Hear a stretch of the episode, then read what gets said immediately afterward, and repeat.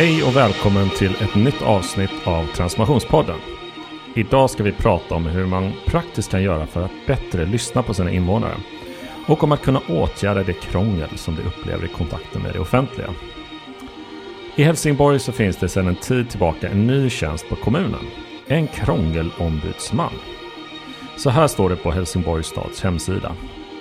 Ingen ska behöva uppleva onödigt krångel i sina kontakter med Helsingborgs stad. Krångelombudsmannen arbetar med att initiera utveckling kring det som invånare och företagare i Helsingborg upplever som krångligt. Det är du som avgör vad som är krångel. Krångelombudsmannen arbetar för att hitta och åtgärda krångel i alla stadens verksamheter. Det här tyckte vi på Hello Future var så intressant att vi bestämde oss för att bjuda in självaste krångelombudet till podden. Så välkommen hit Malin Jonsson. Tack Johan, kul att vara här. Ja, det är väldigt kul att ha, ha dig med i, i podden. Vi har ju eh, försökt få till det här ett, ett eh, litet tag och nu eh, är du, kan vi äntligen nå varann över eh, nätet här. ja, eh, det ska bli superroligt. Ja. Men berätta lite om din bakgrund. Eh, hur blev du då krångelombudsman? Ja, men du Johan, det, ibland har jag faktiskt också undrat med det. Hur hamnade jag här? Hur mm. blev det så här? Mm. Eh, nej, men jag har jobbat i Helsingborgs stad i ganska många år i det som kallas för stadsledningsförvaltningen här hos oss. Eh, 2013 så hade jag uppdraget att projektleda införandet av vårt kontaktcenter och jag var också tillförordnad chef där första året. Eh, och efter det så har jag haft olika uppdrag som eh, alla har handlat om att utveckla stadens förmåga till att ge god service.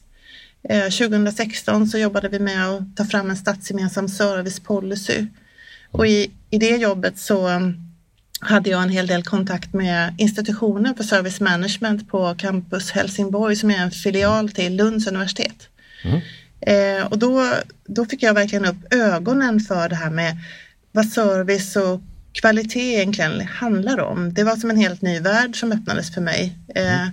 också om hur, hur liksom ledning och styrning av verksamheter eh, måste fungera för att verksamheten ska klara att möta behoven hos mm. kunderna eller tjänsteanvändarna. Eh, så när vi fick det här uppdraget eh, ja. att, eh, att eh, införa en krångelombudsman i Helsingborg, då hamnade det här uppdraget på min avdelning där jag, där jag sitter och det blev en ganska naturlig förlängning av eh, uppdrag som jag redan hade. Just det, men det är ju också eh, spännande då just hur, ja det är som du säger, när den här tjänsten då skapades. Eh, och då kan man ju tänka det, är det då otroligt krångligt för invånarna och företagen just i Helsingborg?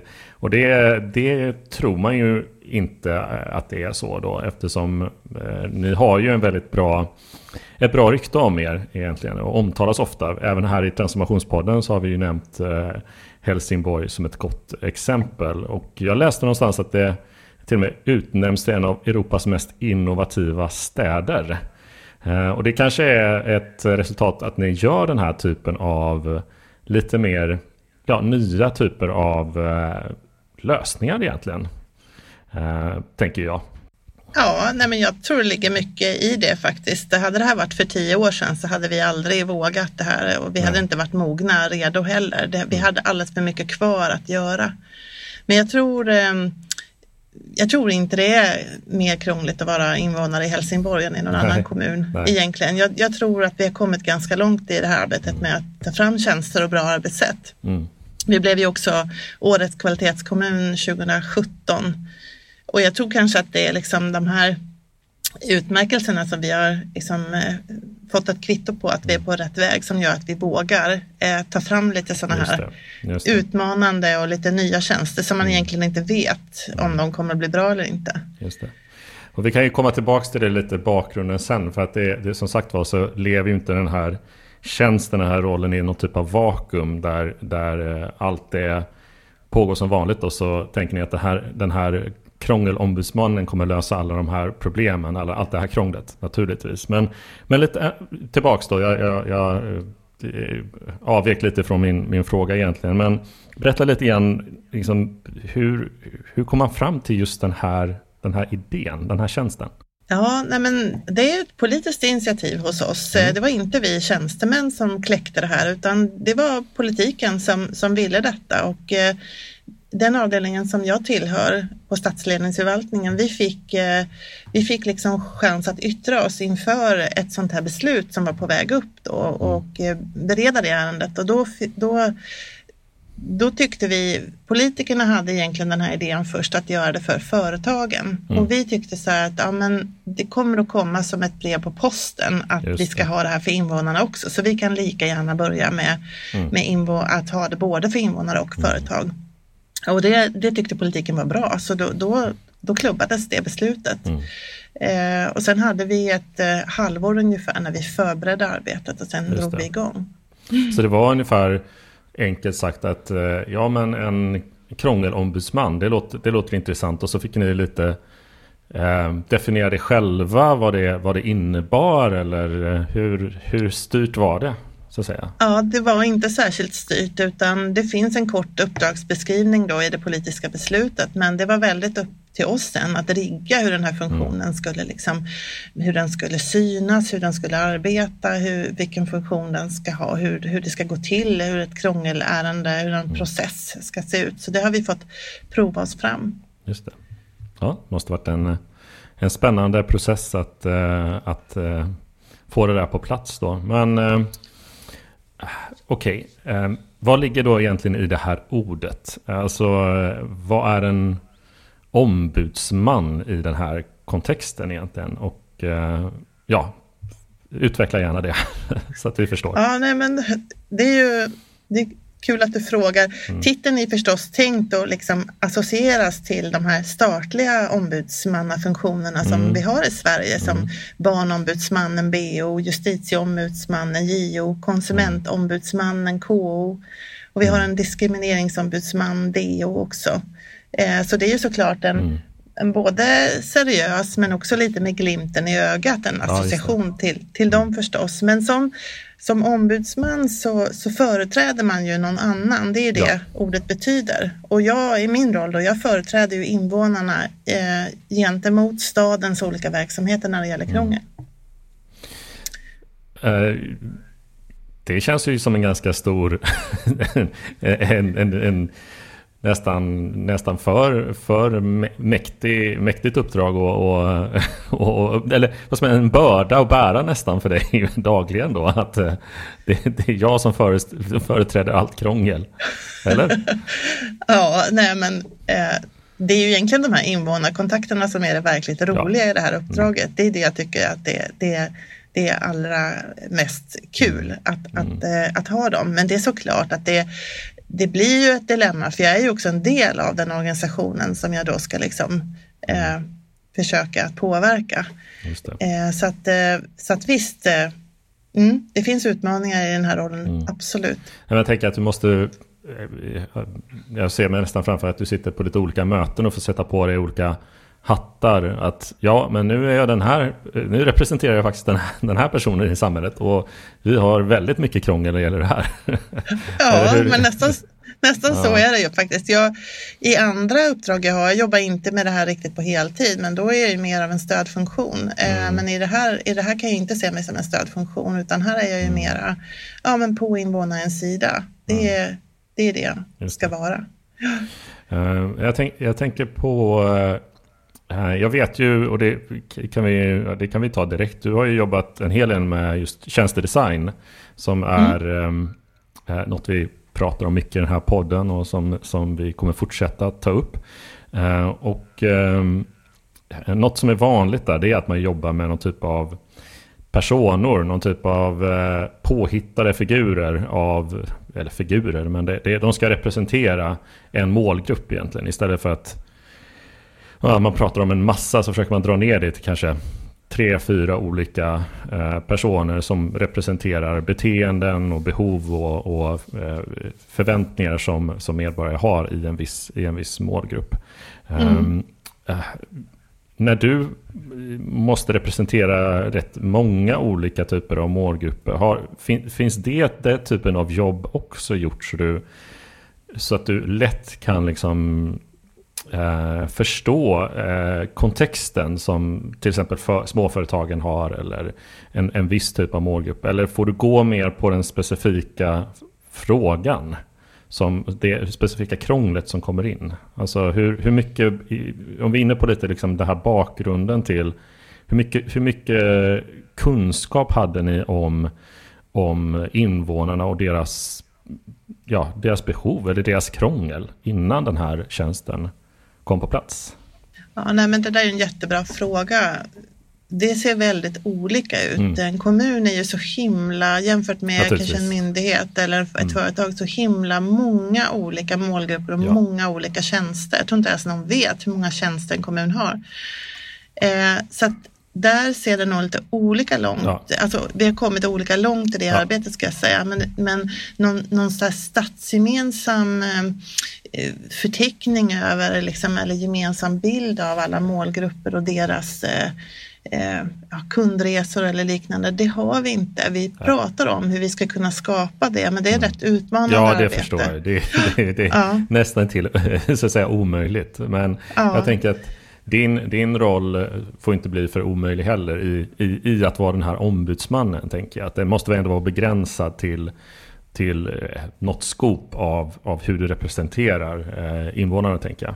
Ja, nej men jag, som, som svar på din första fråga, det blir ju rätt mycket att jag jobbar med de konkreta ärendena, ja. just det som kommer in eh, och att man får förhålla sig till det och så får man ju mm. utvidga kunskapen utifrån ja. eh, det man får in. Mm. För det går ju såklart inte att dra igång stora utvecklingsprojekt för att en invånare hör av sig om en nej. sak som krånglar, utan vi måste ju utforska mm. vad fler tycker och det kan ju hända att man upptäcker då i den utforskande fasen att nej men det här är inte krångligt för tillräckligt många för att det ska vara värt att lägga resurser och, och mm. eh, tid på på en sån utveckling. Eller så kan man komma fram till att oj då, ja men här fanns det ju mm. jättemycket vi borde mm. eh, titta på som vi inte har förstått.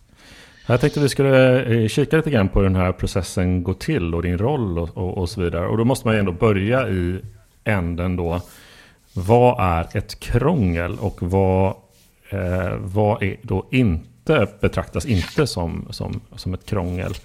Um, och det är kanske bäst, bäst att, ta ett exempel. Uh, jag har hittat ett exempel från, från hemsidan då, som jag tittade lite grann. Där det var uteservering med fast uh, förankrat staket. Uh, ja, det, det var ett jag hittade. Mm. och då, då står det lite så här att och det är ett krångel som har kommit in då egentligen. Berätta lite grann kring, kring, eh, kring, kring, hur det här är definierat som ett eh, krångel och eh, hur ni tog det vidare i den här processen. Mm. Ja, men det första som eh, händer när, när jag får in ett ärende det är ju att jag, men jag får göra en sortering. Allt som kommer in kanske vi inte riktigt liksom kan, kan betrakta som krångel. Vi försöker skilja till exempel på vad som är rena felanmälningar mm. eller om det är annat typ av missnöje som inte direkt handlar om mm. eh, någonting som krånglar, någonting som är besvärligt eller opolitligt. Utan, nej.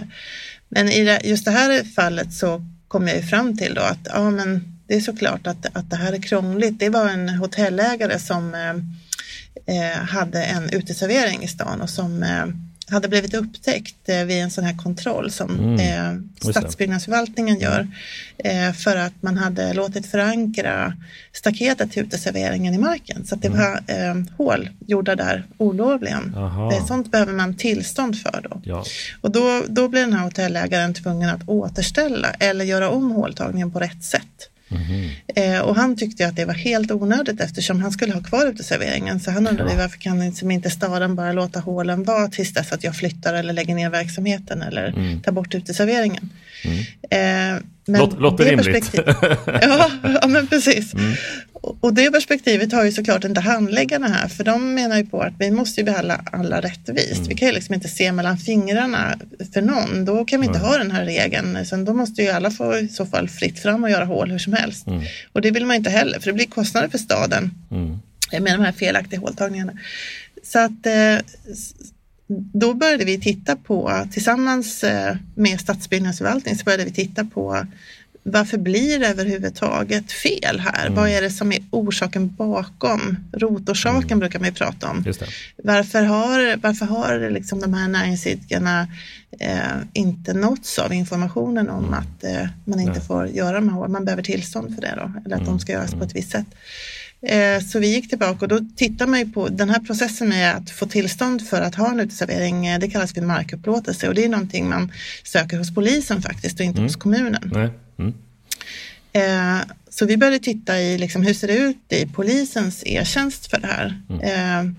Och i den processen som polisen då gör så hör man ju kommunen och om det inte finns några problem så ger man ju tillstånd för uteserveringen. Men vi tänker att det är den processen som egentligen den här informationen måste komma mm. fram. Att, att eh, man inte kan göra hål då. Bara för att man får tillstånd till uteserveringen så kan man däremot mm. bara inte sätta upp parasoller mm. eller staket och sätta Nej. fast i marken. Eh, så, så vi, vi kontaktade Polismyndigheten faktiskt för att se om vi kunde få mm. till en liten ändring av deras mm. e-tjänst. Mm. Eh, vår tanke var ju såklart att om, om, om en näringsidkare redan vid ansökan kan, kan eh, liksom tala om att, att man har för avsikt att sätta fast staket i marken, mm. då kan ju våra handläggare jobba proaktivt istället för mm. att kontrollera regelefterlevnaden i efterhand. Mm.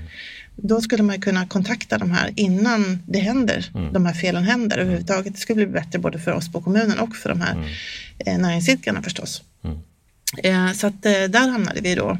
Eh, och det är ju ett typexempel på sånt ärende där liksom kommunen måste samarbeta med andra. Jag har flera mm. exempel på ärenden där, där liksom det är just det här gränslandet mellan kommunen och en annan mm. verksamhet, en annan myndighet, där de här problemen mm. uppstår. Um, så att, um, sen har vi, vi har inte riktigt kommit i mål med det här än. Nej, vi, nej. vi hoppas fortfarande att Polismyndigheten ska liksom gå på vår linje här, det, men vi har, inte, vi har inte sett det riktigt än. Nej. men jag tycker det här, bara det när du berättar det här så tycker jag det visar på det geniala att, eh, att ha en, en sån här funktion egentligen. För att eh, jag tänker mig, om inte ni hade haft den funktionen hade det antagligen bara varit eh, otroligt, eller jag menar otroligt svårt för den här hotell och restaurangägaren att eh, veta var man ska vända sig. liksom, eller att få någon, någon typ av eh, klarhet i att ja, men det här tar vi hand om, det här tittar vi på. Eh, så bara att det finns en tydlig väg in för en sån här typ av fråga och att du börjar och, och, och titta på det och skapar den här kontexten för det här problemet och, och pekar ut vad, vad antagligen den, den, den lilla justeringen skulle kunna bli för, äh, göras för att äh, det skulle kunna hjälpa fler. Äh, där har ni ju redan kommit mycket längre än, än de flesta kommuner. Ska jag säga. Ja, nej men jag tror du har rätt i det och det är också feedback jag har fått från, från en hel del av dem som har varit i mm. kontakt med mig. Att, att vad skönt att det finns en person som äntligen orkar lyssna på hela mitt ärende och som inte bara vill bolla mm. vidare till någon annan. Mm. Alltså det är just det här som vi har pratat om i transformationspodden många gånger, det här mm. att inte försöka lösa allting i silos, för det går nej, inte. Liksom. Eh, och att det finns någon då som, som liksom lite grann har helikopterperspektivet mm. och som kan, kan samordna de olika funktioner som kan behövas mm. för att få till lösningar. Eh, och ta de initiativen. Mm. Och eh, mm. jag menar det, det säger sig självt eh, egentligen i en sån funktion att, att du utmanas ju att, att hela tiden försöka få det här systemtänket eller försöka se den, den större bilden. Du, hamnar, du kommer ju hamna, jag antar att du hamnar där ganska ofta där du måste skruva på det och se att okej, okay, det är inte ja. riktigt där problemet eller krånglet finns som man kanske trodde från början. Eh, eller de, det är inte så man, man, kanske tänker att krånglet ska lösas, utan det löses kanske på något annat, annat håll, gissar jag. Mm. Precis, det är exakt så är det.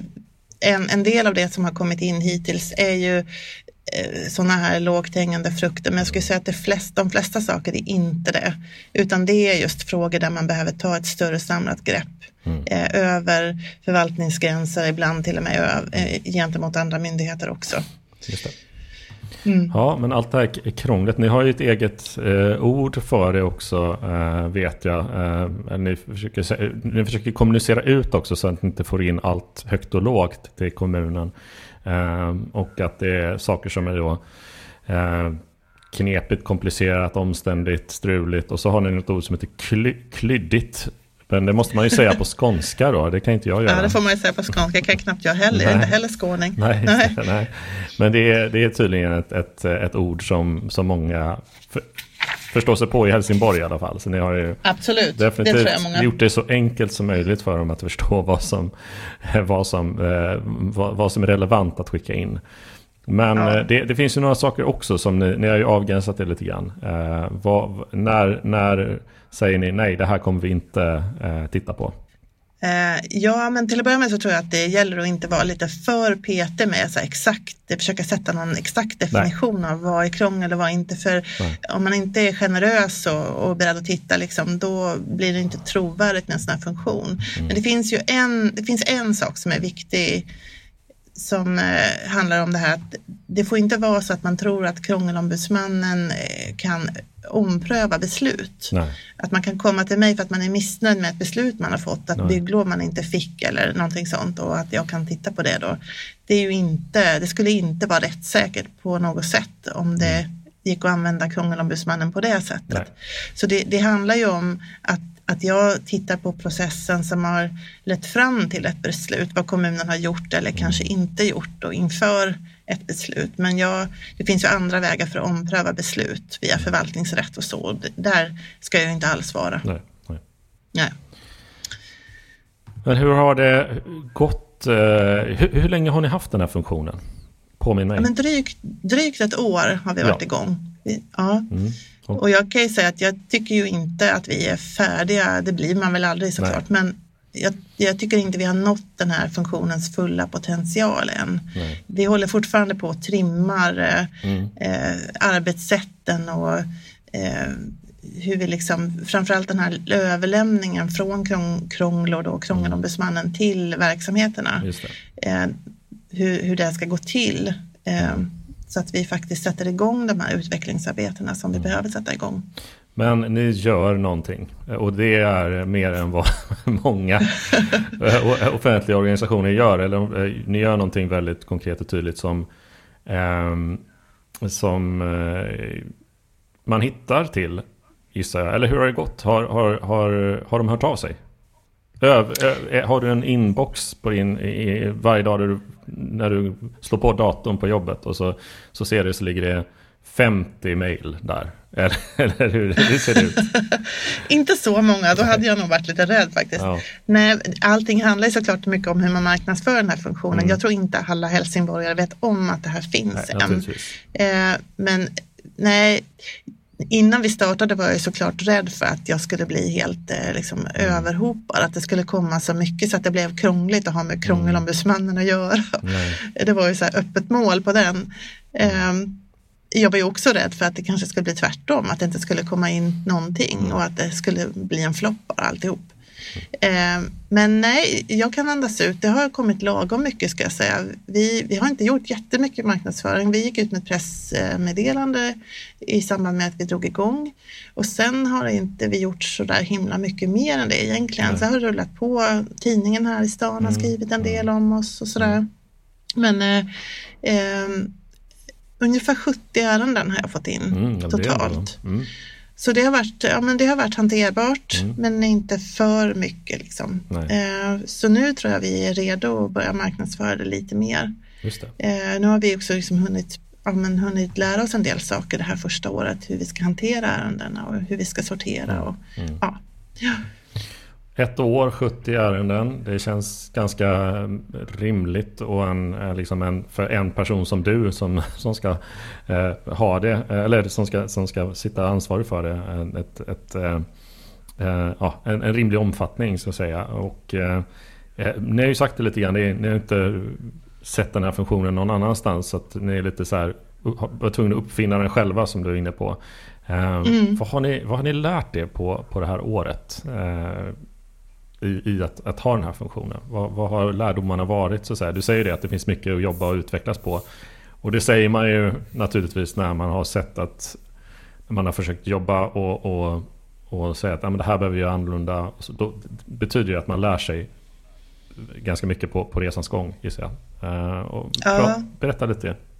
Ja, men en sak som jag har lärt mig eh, det är väl att försöka eh, få till den här överlämningen till verksamheter eh, på ett bra sätt. Att försöka väcka lite känslor i samband med den överlämningen. Det, det är inte så klart, det är inte så himla kul för den verksamhet som får ett krångelärende eller de verksamheterna, mm. det ibland är flera.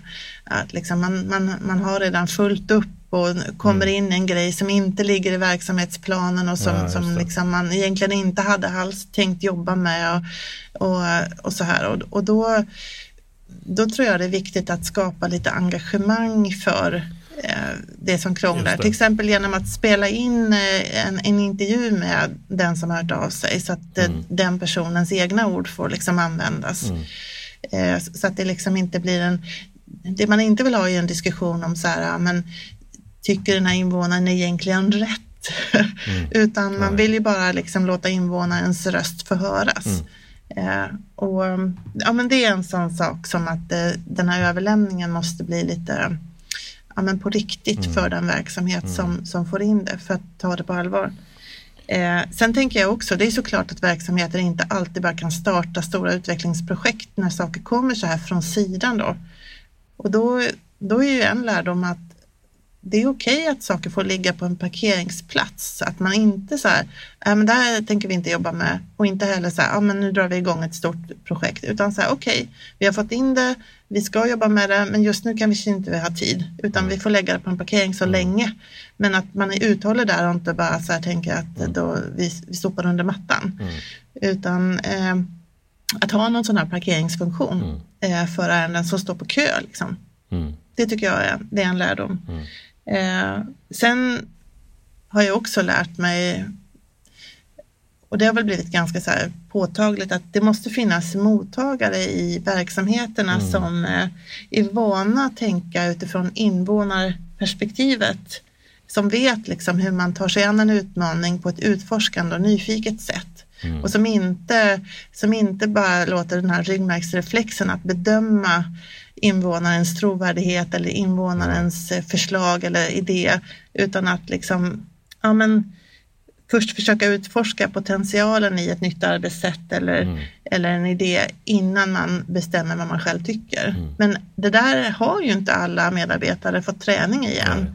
Inte alla chefer heller. Mm. Eh, och det märker man ju att det är viktigt att de som tar emot de här ärendena faktiskt inte gör den här bedömningen utifrån någon mm. ryggmärgsreflex mm. utan faktiskt eh, eh, börjar titta ja. nyfiket. Ja, men jag, jag, tror att det, du, du lägger, sätter ju fingret på, på någonting som, som gäller alla organisationer nu i offentlig sektor som, som vill jobba mer med invånarens behov och invånarens liksom ja, kalla det krångel eller vad det nu är.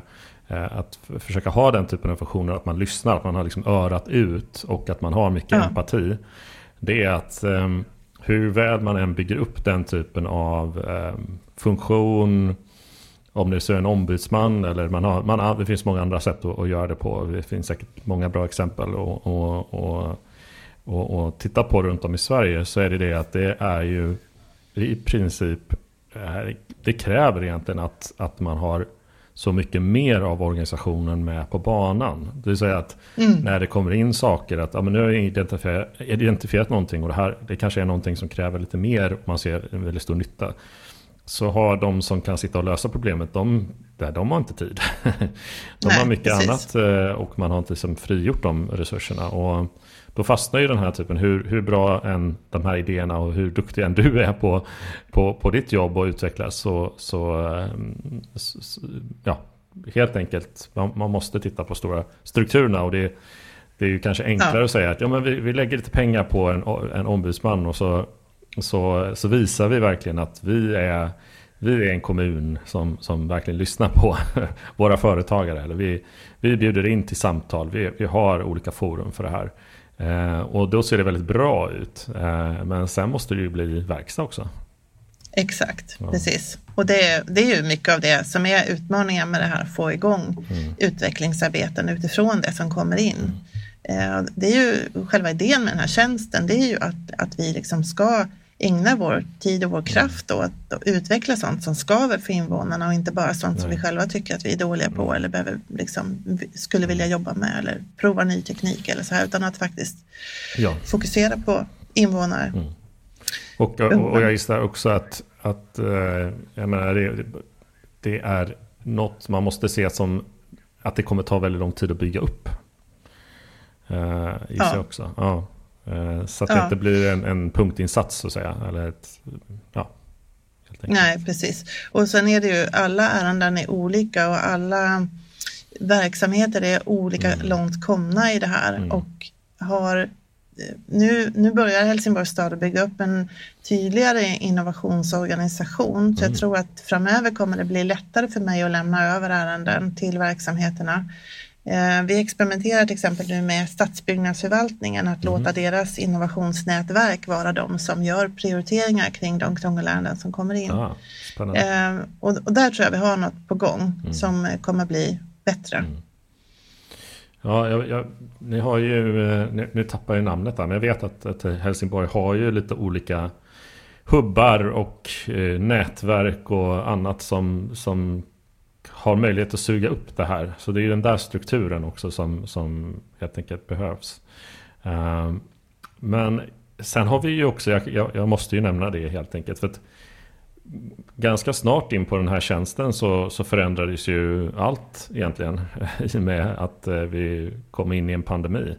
Uh, ja. Och uh, då har ju också prioriteringarna i verksamheterna var tvungna att, att skiftas ganska hårt. Hur, hur var det för dig? Ehm, och din, din, din tjänst då, och just att du är i den här uppbyggnadsfasen och, och börjar få saker på plats. Och så så eh, svänger det ganska, ganska rejält gissar jag. Ja. ja, eh, det har det gjort. Eh, framförallt eh, en del krångelärenden som har kommit in till mig som handlar om vård och omsorg. Där har det varit det har inte varit rimligt för mig att, att ligga på för mycket mot de verksamheterna de här senaste åtta månaderna. Hur viktiga de här krånglerna än är som har kommit in mm. så känns det som att, att man kan inte kräva av de verksamheterna just nu att, att dra igång andra utvecklingsarbeten än att bara uthärda den här och liksom överleva den här pandemin. Mm. Eh, så, så där, där har vi återigen haft användning av den här parkeringsplatsen mm. eh, Just det. för ärenden. Mm. Så det, det, är mer där som du har det har, det har påverkat? Att du har fått göra lite andra prioriteringar helt enkelt? Ja, jag får ju försöka tänka på liksom, är det rimligt att gå på för hårt nu i, i den här eller den här frågan. Med andra verksamheter är inte lika påverkade och där har vi kunnat fortsätta ungefär som vanligt. Mm. Uh, mm. Just det.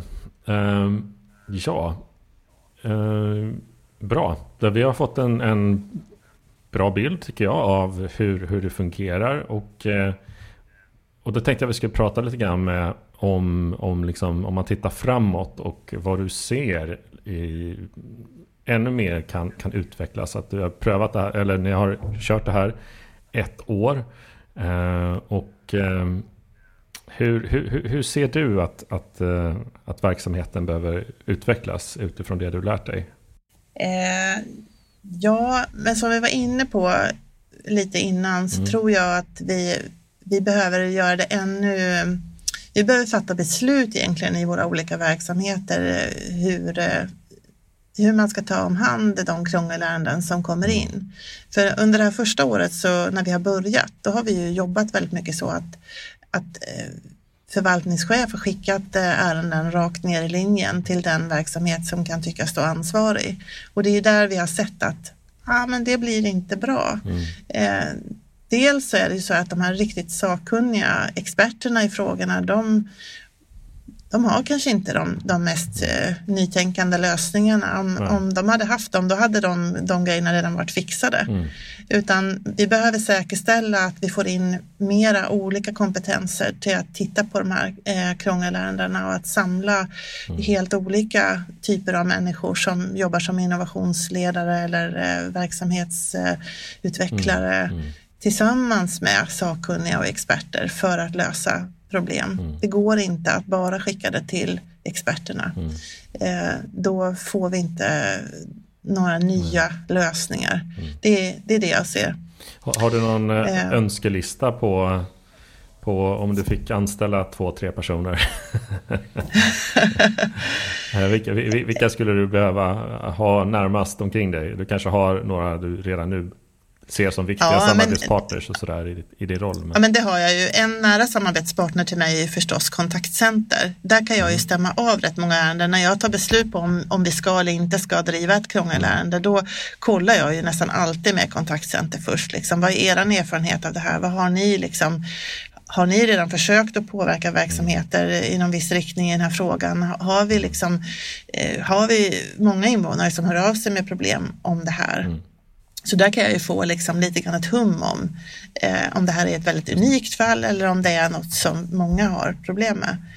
Och fick jag önska så skulle jag egentligen inte ha eh, några som satt hos mig utan ute i verksamheterna så, så skulle jag önska att det fanns eh, personer och det börjar komma på plats nu också. Personer som, som eh, kan ta emot de här ärendena och, och driva dem vidare. För Krångelombudsmannens eh, roll är ju inte att eh, driva ärendena utan att eh, se, till att det startas utvecklingsprojekt. Men eh, det är mitt önskemål att alla förvaltningar skulle ha en, en sån här person som, som samordnar och driver och följer upp mm. De, de här ärendena. Precis. Mm. Mm. Um, har, har det kommit in några ärenden som ni har sett att wow, det här det kanske kommit liknande ärenden in eller att ni har sett att oj, det här, det här behövs, det här är någonting som vi behöver verkligen, det här som kan göra en rejäl skillnad. Ursäkta. Att en rejäl skillnad om, om ni börjar jobba med det. Har det kommit in något sånt här nästan dröm, drömscenario att lösa? Ja, alltså. Mm, ja, vi har ju ett ärende som handlar om det här att, att eh, att flytta till ett äldreboende. Mm. Och det är ju en sån som har legat lite på parkeringsplatsen nu mm. för att de verksamheterna inte har kunnat. Men eh, eh, i min drömvärld så skulle vi ju se över hela, hela den här processen från det att vi utreder och fattar beslut om att en person har så att säga Eh, de behov som behövs för att mm. få plats på ett äldreboende tills dess att man har flyttat in. Mm. Eh, för där tror jag vi har jättemycket att göra. Idag finns det en, en fem dagars regel. Mm. Från det att du får beslut om en plats så har du fem dagar på dig att flytta. Oh. och det här tror jag i vissa fall blir orimligt. det, det är såklart att man har ju liksom, man har ju man ska ju flytta och man har ju redan tagit det beslutet att man ska flytta, men just det själva hur den här flytten mm bara det här praktiska att anhöriga kanske måste ta ledigt från sina jobb för att kunna hjälpa till i flytten och så här. Mm. Att, att bara kunna göra det på fem dagar och att kunna inreda ny lägenhet mm. och få på plats allt praktiskt. Eh, jag skulle vilja att vi eh, hade ett helt annat tänk mm. Eh, i, i den processen. Men det är såklart en kostnadsfråga också. Det kostar kommunen att stå med tomma lägenhetsplatser mm. för länge. Just det. Mm. Men jag, min övertygelse är ju hela tiden att det här att, att man kan inte bara titta på kostnadssidan. Alltså när vi ger bättre service så våra eh, äldre i det här fallet då, är mer nöjda och anhöriga är mer nöjda. Vi får mindre klagomål personalen eh, får mindre klagomål att hantera, då, då är det roligare att gå till jobbet. Då får vi mindre personalomsättning, mm. får bättre hälsa, eh, mindre sjukskrivningar. Allting som verkligen kostar pengar ja. eh, kan vi liksom spara igen. Men ibland tycker jag vi tittar alldeles för kortsiktigt på inkomster och utgifter. Mm. Eh, mm. Jag tänker också på också det här första caset att att man stöter på att det ligger i en typ av lagstiftning som man inte kan göra så mycket åt. Alltså ni kan flytta lite information och, eh, och, och sådär ibland eller förbättra servicen. Eh, men hur tänker ni kring det när, det, när, när ni ser att fler och fler av sådana här re, det är mer sådana här regler som, som man behöver liksom bearbeta, få upp och, och förändra. För det ligger ju i, i någon annans knä så att säga, eller ta hand om eh, det. Eh, har ni mm. funderat kring, kring den biten? Ja, jag tror att ibland kommer vi, och det har vi gjort redan mm. i något ärende också, stött på det här att liksom, ja men det är så här lagstiftningen ser ut, det är så här det måste vara. jag tror att vi i de fallen eh, vill eh, kunna gå vidare och försöka påverka lagstiftningen. Även om det blir ett extremt mm. långsiktigt arbete då mm. så tror jag att vi skulle kunna bli mycket bättre på mm. via våra politiker och andra att, mm. att eh, lyfta de här mm. frågorna till högre nivåer. Lyfta dem i, i, i andra sammanhang mm. som i SKR eller på andra mm. sätt eh, försöka påverka riksdag och regering. Mm. Så, så, mm. Och jag tror de frågorna liksom måste mer upp på borden också. Eh, man, ofta så stannar man liksom, nej, man rycker på axlarna, det går inte att göra något för så här lagstiftningen ser ut. Men jag tror inte vi, jag tror man behöver gå vidare. Mm.